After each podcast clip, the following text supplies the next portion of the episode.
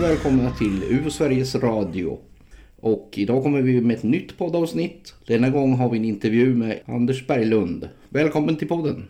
Ja, tack så mycket. I korta ordalag, vad har du för titel i organisationen och vad betyder den? Jag är sedan år 2013 ordförande för eh, riksorganisationen UFO Sverige.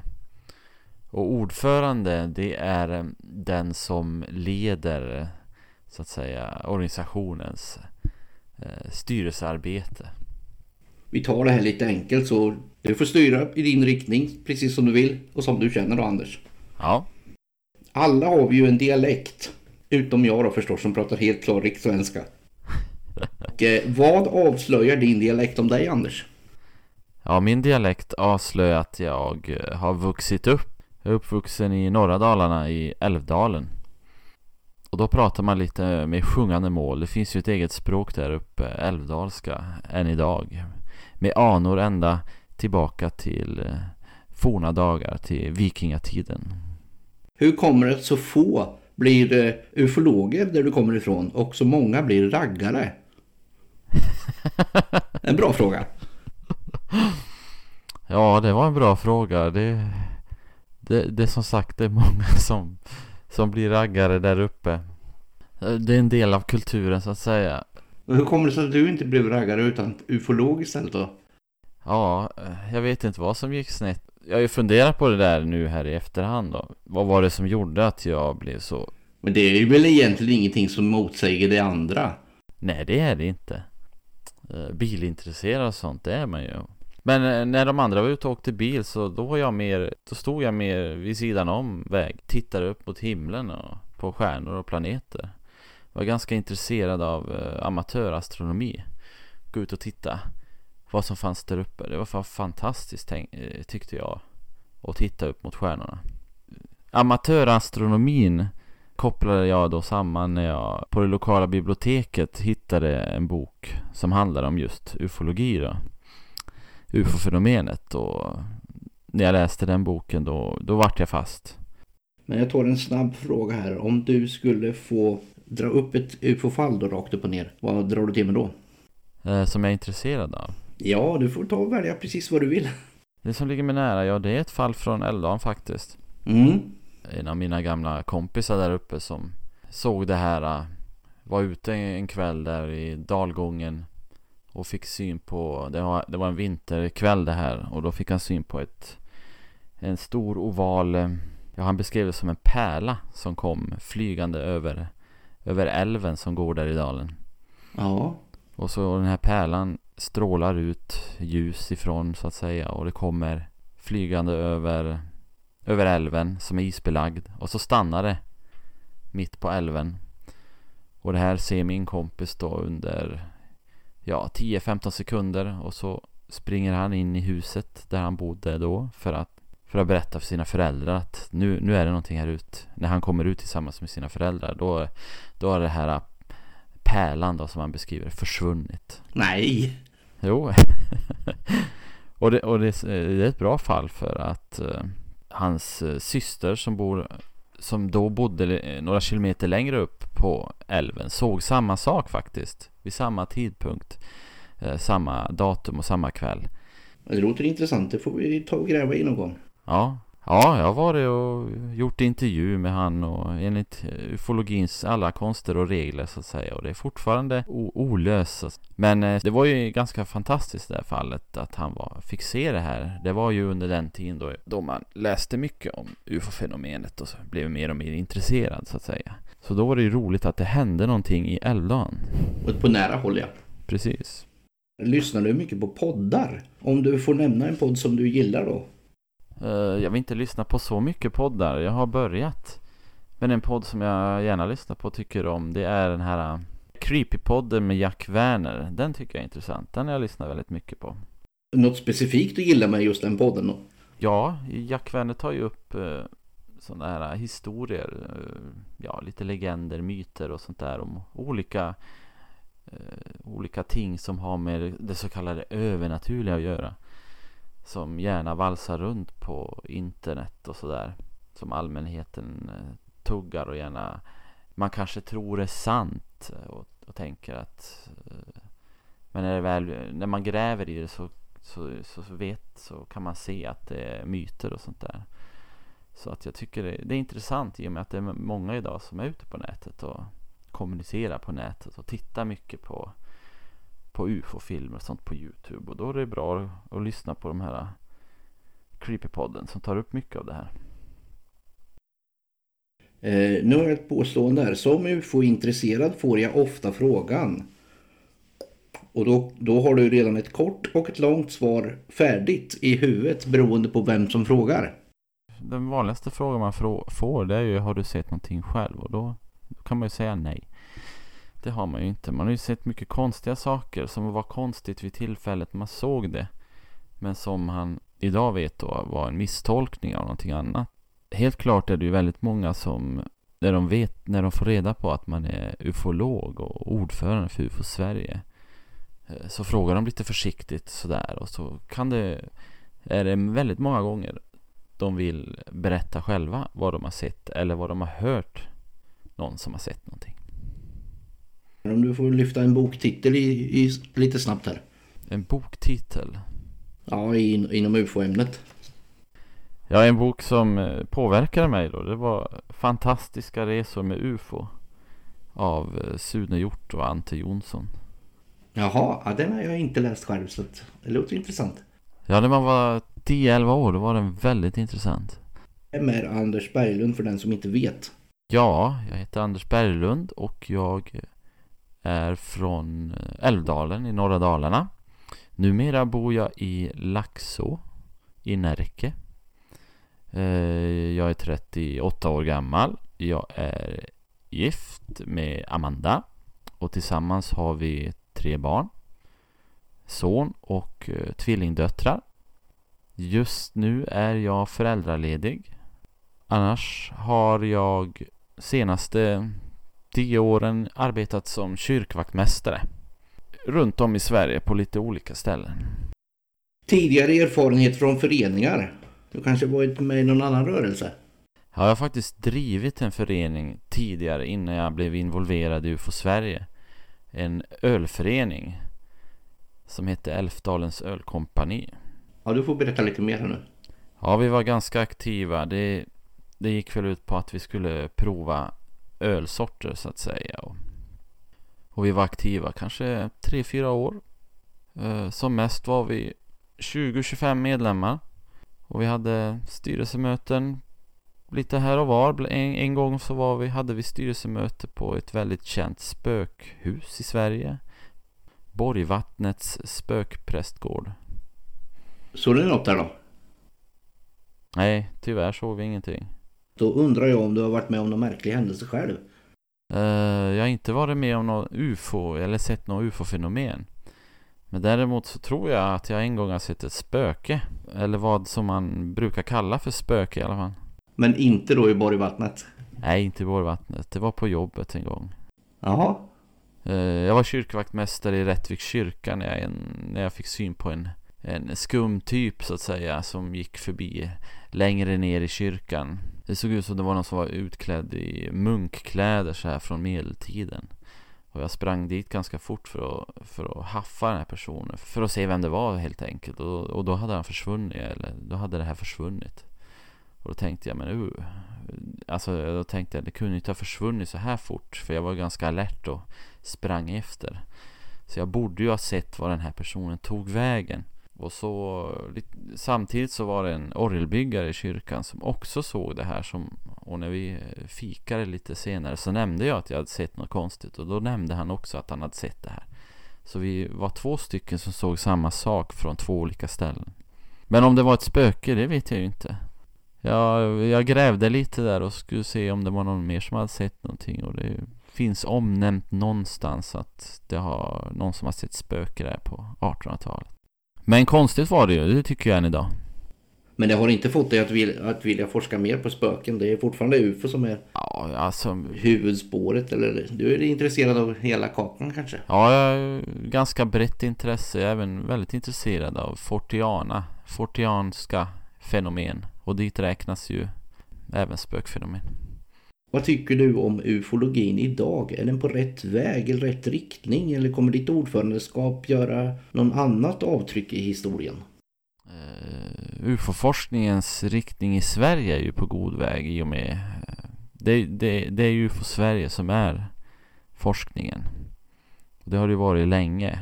Och det är den enda väg, menar jag då, som ufologin kan ta. Det är att eh, vara nyfiken, men undersökande. Man ska inte vara rädd för folks observationer och försöka förklara det så långt det bara går. Det gäller att få bort alla observationer som är misstolkningar. Så vi har kvar de här få eh, observationerna, de få fallen som är av, av det genuina UFO-fenomenet som jag brukar säga. De som jag brukar kalla för guldkorn. Guldkornen ja. De, de få fallen var, vartannat år som förblir ufon och som kanske en dag kan leda oss vidare till nya svar på vad det här fenomenet är. Eh, hur får man då erfarenhet i ufo-branschen? Ja, det finns ju ingen, eh, finns ju ingen utbildning som man kan gå, alltså officiell utbildning till exempel. Man kan ju inte eh, gå på universitet och utbilda sig till ufolog utan den biten har ju alltid skett så att säga utanför officiella kanaler. Vill man bli ufolog i Sverige så har ju vi i UFO Sverige en fantastisk kurs eh, varje år. Det är en, en helg vi brukar anordna på hösten då vi, då vi samlar eh, gamla ufologer och eh, nybörjare som vill bli framtidens ufologer på ett ställe i Sverige. Där vi anordnar en kurs då, en gedigen kurs i att lära sig undersöka UFO-observationer från alla håll och kanter. Så det skulle jag ju rekommendera för den som vill bli ufolog och gå den här kursen. Annars så kan man bli en väldigt kunnig ufolog om man läser mycket böcker om fenomenet. Och, och naturligtvis gå med i UFO Sverige. Eh, prenumerera på våra tidningar, UFO Aktuellt och Rapportnytt där man får läsa senaste utredningarna och vad som har hänt både i Sverige och världen. Men du menar att det är nyttigt att vara ute på fältet och eh, intervjua personer och jaga UFO-vittnen och så? Ja, oh ja, det tycker jag är viktigt. Att man ska ju... Eh, att bli en bra ufolog kan man inte läsa sig till så, utan det är en sak att läsa på fakta och teorier och sånt. Det är en helt annan sen att eh, applicera det ut i fältet. Och det är då man lär sig mest om vad, hur det är att vara ufolog och hur fenomenet tolkas av oss människor.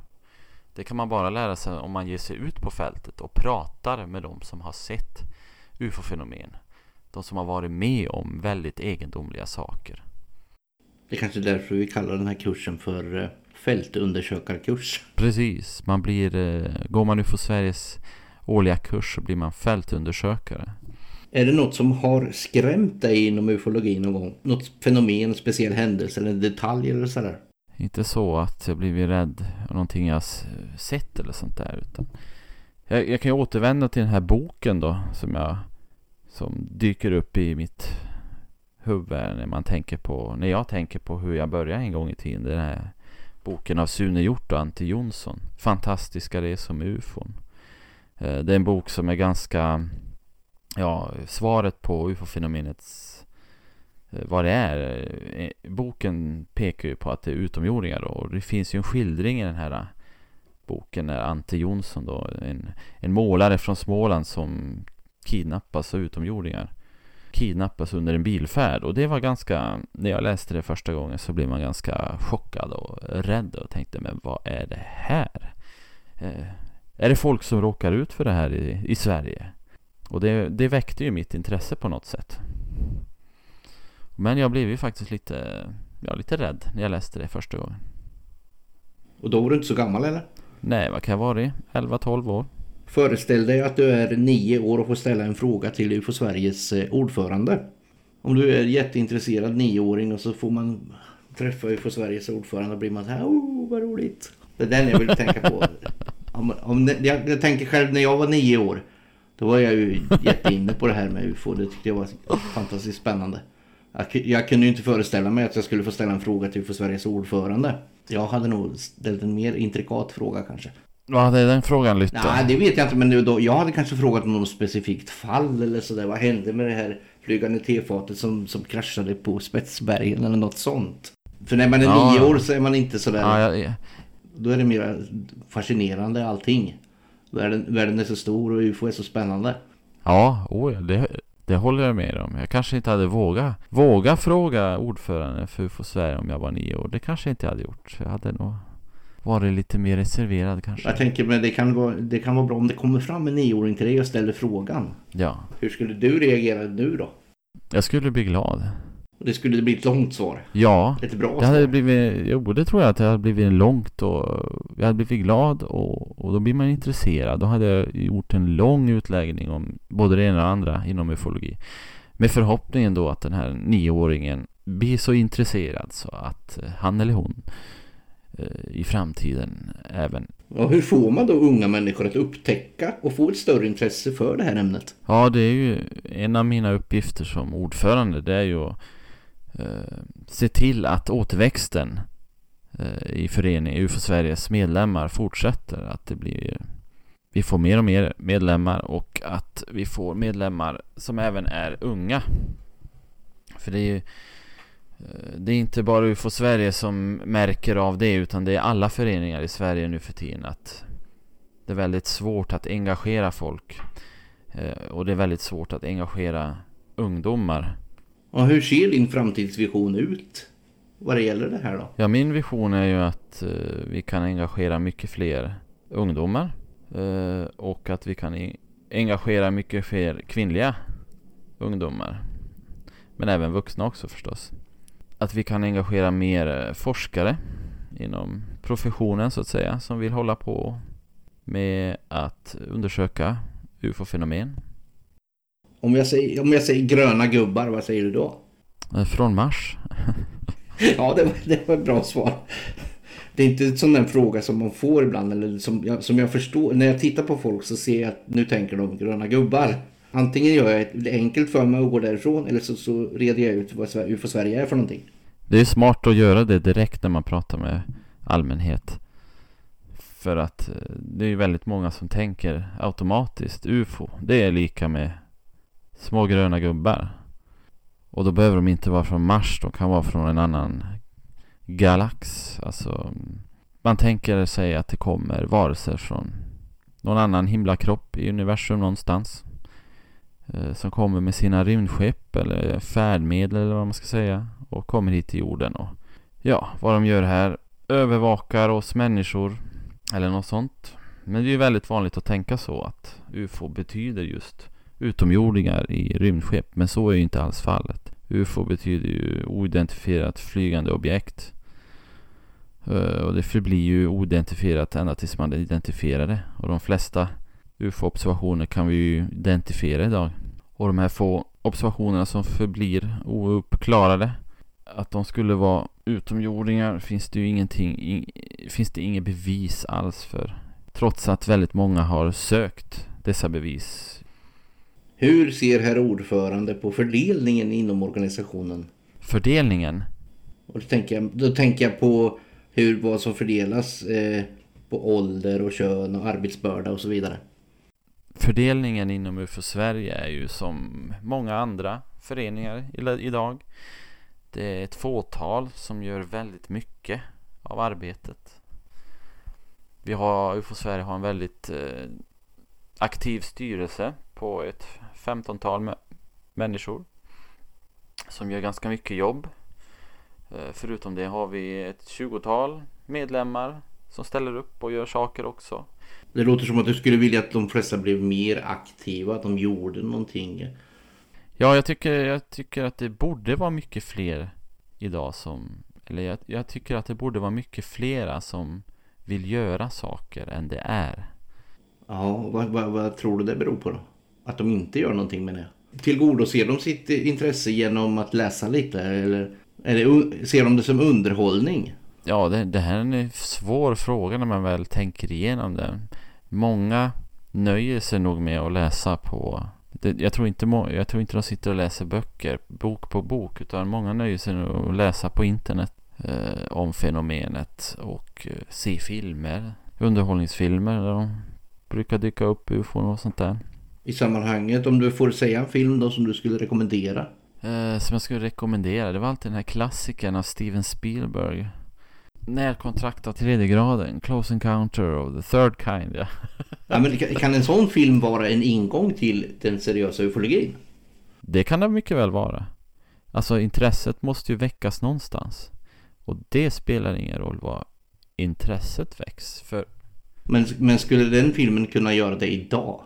Eller har samhället ändrats så pass att inte den skulle kännas omodern om den kom idag? Bra fråga. Jag, jag har ju läst lite om när de gjorde den här filmen och den var ju ganska det var ju den första filmen, den första kanske den enda filmen som har tagit ufo-fenomenet på allvar i och med att man har presenterat det på det sättet man gör. Och eh, man tog hjälp till exempel av eh, den berömde ufologen G. Allen Hynek var ju med och konsulterade med manusförfattare och filmskapare och hjälpte till att göra, det, göra bra film. Och, och det vart ju, alltså förväntningarna på den där var nog, den blev större än man hade vågat hoppas på. För den, det var den första filmen av sitt slag så att säga. Och den fick väldigt, den gjorde en väldig uppsving av intresset över ufo-fenomenet i världen. Det tror jag. Men hade det gjort samma sak idag, det vet jag inte. En om man jämför med mig själv, alltså jag, blev en, jag såg ju mycket på TV. Eller man såg ju på TV då mer, på 90-talet kanske man gjorde. Jag såg i alla fall något som heter Arkiv X. Så, som tog upp det här med ufo-fenomenet från lite olika vinklar och konspirationsvinkeln framför allt. Och det, det, det var ju en väldigt bra serie tyckte jag. Väldigt bra gjord med bra skådespelare och bra manus. Och det fick dig att bli mer intresserad? Ja, det gjorde ju att det här ufo-intresset för fenomenet inte försvann utan det fanns ju där. Åh, om en vecka kommer ett nytt avsnitt av Arkivex kanske. De tar upp ufot igen då och sådär. Och, det vart, och den serien vet vi idag, den var, var ju väldigt populär på 90-talet. Eh, många som minns Den med värme, den serien. Hur tänker du med det här med, med män och kvinnor inom föreningen då? Tittar man på vilka som har varit med i föreningen från eh, då föreningen startade på, i början på 1970-talet så har det ju varit mer män än kvinnor. Beror det på något speciellt tror du? Det jag läst och studerat om det eller hört. Man brukar ju prata om att män är mer teknikintresserade och sådär. Och då skulle man få för sig då att ufologi är mer eh, tekniskt på något sätt. Ja, jag, jag har läst eller hört några som har påpekat det. Men eh, om det stämmer, det är ju ingen som har försökt Men, men tycker, tycker du att det, att det finns någon grund för att det skulle vara extra tekniskt? Att det skulle vara mer manligt? Ämnet som sådant? Nej, det tycker jag inte. Det... Det är ingenting som skrämmer bort kvinnorna härifrån? Man, tittar man till exempel på den andra, på andra New Age till exempel, det här äh, termen som slår ihop mycket sånt här äh, andligt och sånt där. Då är det mycket mer kvinnor där kan man ju då tänka sig. Mm. Uh, och det har ju sett folk som har spekulerat. Uh, många kvinnor hamnar där istället. På det här uh, andliga new age. Där man mer ska uppleva och känna och sådär.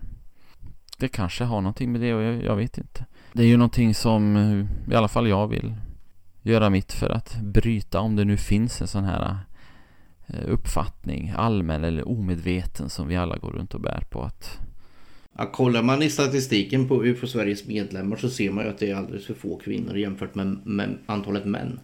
Man kan ju tänka sig att UFO-fenomenet eller forskningen bakom UFO-fenomenet skulle må bra av att få lite mer, få mycket mer synvinklar från kvinnliga, eh, kvinnligt tänkande. Om det nu finns något specifikt sånt. Det tror jag. Andra intressen som du odlar. Och då kanske jag inte menar fritidsintressen.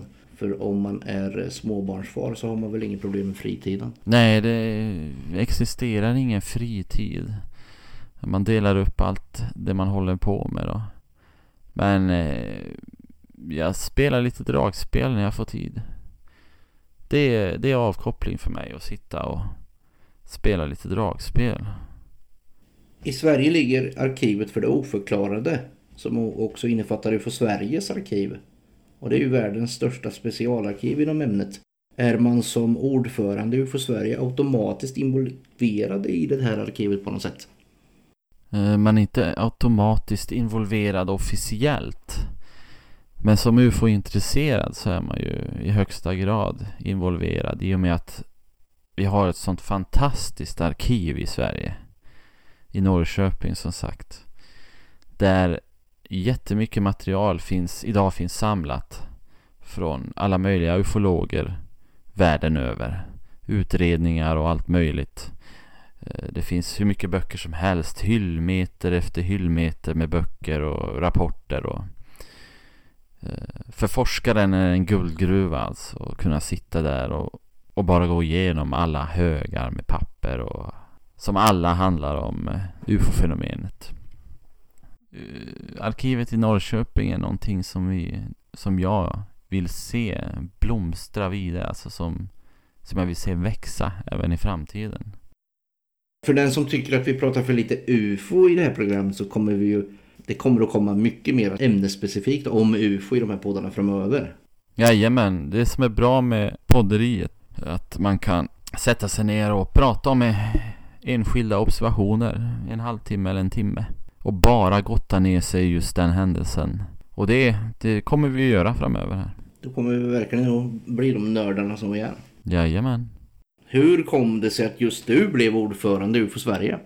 Ja, det undrar jag också ibland, men uh, jag tror jag, jag kom in i organisationen vid rätt tidpunkt. Jag blev aktiv i UFO Sverige ganska sent om man räknar med att jag blev intresserad av UFO-fenomenet redan när jag var 10-11 år. Så var det inte förrän eh, långt efter år, när var det jag blev, så var det ungefär, ja, runt 2010 som jag blev aktiv så att säga. Då jag gick min första kurs, fältundersökarkurs. Och tyckte det var ännu roligare att hålla på med UFO när jag kom i kontakt med alla trevliga personer som var aktiva då i UFO Sverige. Så jag, jag, tror jag kom in vid rätt tidpunkt. För när jag, när jag hade varit med några år så fick jag frågan från eh, förra ordförande Claes Svahn om jag ville om jag ville, kunde tänka mig att bli ordförande. Och syftet eh, med att välja mig det var ju att eh, föryngra, mm, ta in nya krafter i styrelsen då. Jag hade ju suttit i styrelsen något år då när jag fick frågan. Eh, sen tror jag också att eh, min personlighet spelar in. Jag är ganska lugn av mig. Jag brusar inte upp värst mycket. Tycker jag. Jag kan prata med, med de flesta människor i samhället. Eh, så det tror jag också spelar in. Ja. Du, du berättade här att du kom in i UFO Sverige långt senare än vad du blev intresserad. Det, tog, det var många, många år däremellan. Ja. Hur många kan det vara? 30, 20 år emellan? Ja. Ja, det tror jag att, att det är liknande för andra personer. Ja, det tror jag. Det finns det fler. Är det inte risk att man, man tappar intresset på de här 20 åren? Jo, det finns för stor risk att man gör. Eller att man blir intresserad av någonting annat. Eller att, det dyker, eller att livet börjar. Man bildar familj och sånt där och då har man inte tid att göra det. Och du menar att det gör att man inte kan hålla på med UFO? Ja, eh, det kan sätta käppar i hjulet om man vill vara ak mer aktiv än, än att bara sitta och läsa någon bok eller surfa på nätet. Då man vill kanske mm, mer forska eller ge sig ut på fältet och prata med, intervjua observatörer. Och det kan man inte göra om man har familj menar du? Jag tror det är många som har fallit bort. För ja, att de har hittat andra intressen. De har bildat familj och sånt där. Det är det ju. Det är ju, tror jag, i alla... Så vi borde rikta in oss på de som är tio år alltså? Det är då vi ska, då vi ska fånga dem? Nej, det tror jag inte behöver. Vi kanske varit för dåliga att rikta in oss på de som är i övergångsåldern från ungdom till bidragande vuxen i vårt samhälle. Unga vuxna som han så fint säger. Ja, Men annars är det ju ett spännande ämne som de borde kunna fastna för. ja, Och hålla, hålla kvar menar jag. För det är ju otroligt brett. Man kan ju göra nästan vad som helst inom ämnet om man tycker att det är spännande med märkliga händelser. ja, oh ja, det, det kan man verkligen göra. Alltså det finns ju, det är ju inte många föreningar som har överlevt så länge som UFO Sverige har heller. Ända från sju- 1970 och framåt. Och det tror jag ju beror på inriktningen som UFO Sverige tog där. Eh, efter 1980-talet och när man gick in i 90-talet och man bestämde sig för att eh, vara en seriös UFO-organisation och satsa på eh, satsa på undersökningar och Kunskapsbaserad. jag tror att den riktningen, att när man väl bestämde sig för det, det gjorde att föreningen levde vidare och att det blev ett nytt uppsving för intresset att vara med i UFO Sverige i alla fall. Och hur tycker du att vi har förvaltat det då? Jag tycker förvaltningen är god och alltid har varit. Problemet kanske är då är att eh, det här är en ideell aktivitet. Alla, alla som är med i UFO Sverige är ju Det är ju våran hobby det här. Vi gör ju det gratis.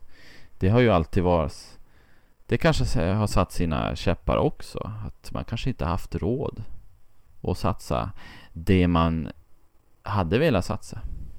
Men de flesta har ju lite tid till övers. De flesta lägger ju mycket tid på andra hobbys och grejer. Ja, Då borde man kunna prioritera. Om man tycker det här är spännande så, så borde man kunna lägga lite tid på ufologin. oh ja. Det behöver inte kosta pengar menar jag rent monetärt så. Eh, ja, vi avrundar väl den här podden för den här gången. Men först Anders får du berätta hur observatörer, allmänhet och intresserade kommer i kontakt med UFO Sverige. Eh, komma i kontakt med UFO Sverige gör man snabbast och enklast genom att googla. Man kan skriva ufo.se så kommer man till våran webbplats. Eh, har man Facebook så har vi en sida där. Man skriver helt enkelt UFO Sverige i sökrutan och där kan man få svar på sina frågor inom någon timme som snabbast. Kanske till och med inom någon minut. Det är ofta någon som sitter där ute. Annars så får man gärna kontakta mig, skicka ett mail till mig om man är intresserad av att göra någonting mer av sitt UFO-intresse. Det är bara att skicka ett mail. Och vilken adress använder man sig av då? Eh, man kan skicka på info ufo.se eller andersberglund.ufosverige gmail.com då tackar jag för dina öppenhjärtiga svar Anders. Ja, tusen tack för att jag fick vara med.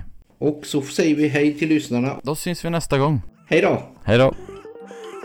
Jag väntar nu, nu måste jag spara det här.